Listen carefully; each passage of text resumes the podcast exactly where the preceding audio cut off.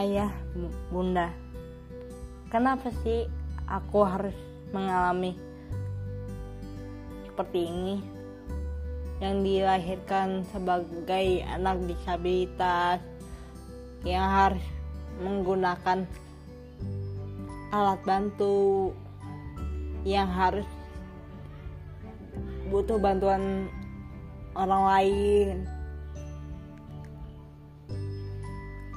nggak merasakan sebebas itu. Seperti yang lain. Teman-teman sebayaku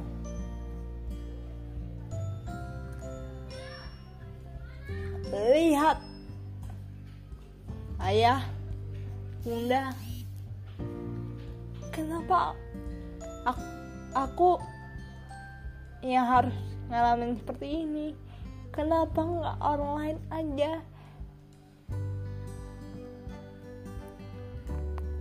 Apa mungkin? Aku dilahirkan sebagai anak istimewamu. Adalah pilihan pilihan orang orang yang terpilih untuk masuk surga.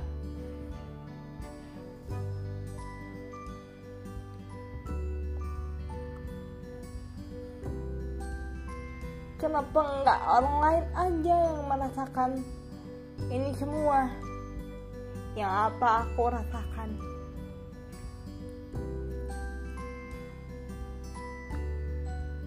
Terkadang aku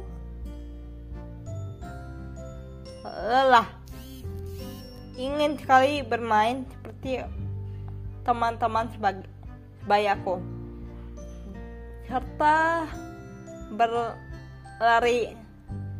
Sana kemari seperti teman sebayaku namun itu hanyalah hayalanku